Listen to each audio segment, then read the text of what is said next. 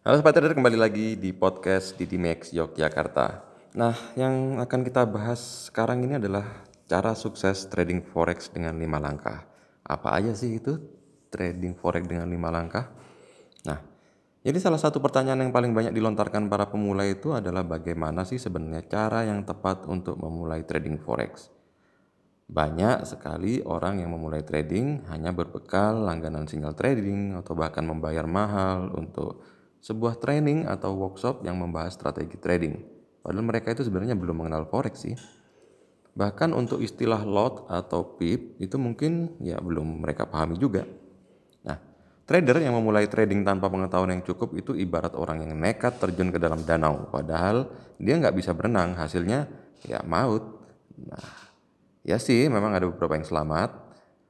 Tetapi itu pun karena mereka beruntung ya bisa segera bertemu dengan orang yang sigap melemparkan pelampung ke arah mereka. Yang kurang beruntung, ya wassalam. Nah, Anda perlu tahu bahwa trading itu bukan sekedar memelototi chart dan mencampur adukkan berbagai macam indikator. Trading itu adalah skill yang harus senantiasa diasah dengan konsisten tiap kali Anda melakukan transaksi. Oh ya perlu juga saya ingatkan nih bahwa tidak ada ya yang namanya holy grail dalam trading. Bagi Anda yang baru mengenal istilah tersebut, Holy Grail itu adalah istilah yang dipergunakan untuk menyebut suatu sistem atau strategi trading yang menjamin akurasinya. Dengan kata lain, nggak mungkin loss. Tapi sekali lagi, hal seperti itu tidak ada. Jadi sebelum Anda terjebak ke dalam pencarian yang nggak berujung untuk Holy Grail, um, di sini saya mau berbagi sedikit pengalaman untuk Anda yang baru ingin memulai trading forex. Yang pertama adalah pelajari dulu dasar-dasar trading. Tidak ada seorang karateka yang menyandang sabuk hitam dalam semalam. Ia tentu harus memulai dari sabuk putih dulu, mempelajari kuda-kuda, kihon, kata, kumite, dan lain sebagainya. Butuh proses dan waktu yang tidak singkat untuk setidaknya menjadi karateka sabuk hitam.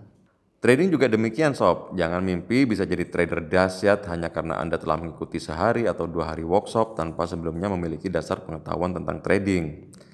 Setidaknya Anda harus tahu dulu apa itu lot, contract size, leverage, margin, risk, management, dan trading plan. Anda harus mengerti terlebih dahulu apa itu trend, support, dan resistance. Barulah Anda kemudian bisa dibilang layak untuk mempelajari teknik-teknik trading yang lebih kompleks. Kemudian Berlatih mengenali pola. Anda tentu pernah melihat ya bagaimana atlet tenis meja itu dengan mudah melakukan servis dan memainkan bola yang bergerak sedemikian cepat. Mereka tidak mendapatkan keahlian itu hanya dalam sehari, dibutuhkan banyak latihan dan memperhatikan arah pergerakan bola. Dalam analisa teknikal ada konsep yang namanya history repeat itself. Jadi artinya sejarah itu selalu berulang. Dalam konteks ini yang berulang itu sebenarnya adalah pola, baik itu pola pergerakan harga ataupun pola indikator teknikal.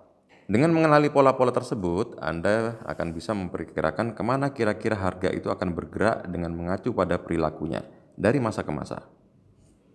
Kemudian untuk selanjutnya Anda harus mengembangkan trading plan. Nah, di tahap ini, ini adalah tahap yang akan menentukan akan jadi trader seperti apa Anda nanti. Di tahap ini Anda akan mendesain strategi yang akan Anda pergunakan dan tentu saja untuk bisa melaksanakan tahapan ini Anda harus selalu anda harus sudah sukses menjalani dua tahap sebelumnya. Di tahap ini, Anda bisa melakukan eksperimen dengan beberapa indikator teknikal yang berbeda, beberapa currency pair yang berbeda, dan juga nantinya Anda akan menemukan strategi yang sesuai dengan kepribadian Anda sebagai trader.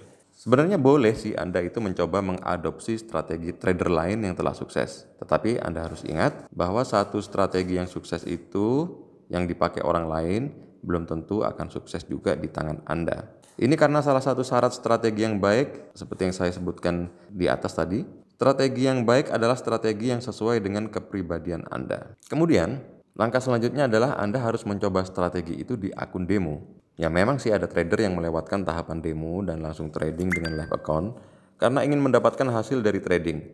Ya memang ada juga yang bisa sukses tanpa melalui demo, tapi itu nggak semua dan Anda nggak perlu mempertaruhkan keuntungan Anda di situ. Demo itu memungkinkan Anda untuk menguji profitabilitas strategi trading Anda. Nggak hanya itu, demo juga bisa mengasah skill Anda. Di tahapan inilah Anda akan bisa mempelajari di mana kekuatan dan yang lebih penting lagi, kelemahan Anda dan strategi trading Anda. Jika Anda belum bisa profit konsisten di akun demo, saya tidak sarankan untuk buru-buru menggunakan live account. Konsisten profit di akun demo, barulah kemudian pergunakan uang yang sebenarnya. Lalu langkah selanjutnya adalah melakukan evaluasi. Ini tahap yang paling penting sekaligus paling berat untuk dilakukan. Di tahap ini Anda harus menguji apakah strategi yang Anda gunakan itu benar-benar bisa menghasilkan profit yang konsisten atau tidak. Jika tidak, maka itu saatnya Anda melakukan perbaikan atas strategi tersebut. Dalam melakukan evaluasi Anda harus fair ya. Ada kalanya kesalahan itu bukan terletak pada strategi trading, melainkan pada ketidakdisiplinan Anda menjalankan trading plan. Terkadang orang itu nggak mau ngaku bahwa ia melakukan kesalahan, dan itu fatal bagi seorang trader. Forex trading itu bukanlah jalan untuk menjadi kaya mendadak. Juga bukan game komputer yang bisa Anda menangkan dengan mengetikkan beberapa cheat code atau kode curang. Trading itu bisnis dan seperti bisnis pada umumnya butuh waktu, butuh tenaga dan tentu saja butuh modal yang cukup untuk memenangkan permainan. Nah, selain itu juga Anda harus selalu update seputar berita-berita tentang forex. Soalnya berita terkait perkembangan geopolitik dan ekonomi itu juga sangat berpengaruh terhadap pergerakan harga. Pastikan Anda update terus agar bisa menentukan keputusan trading yang maksimal. Oke sahabat trader, cukup segitu dulu ya untuk podcast di Dimax Yogyakarta kali ini. Semoga bisa membantu dan happy trading.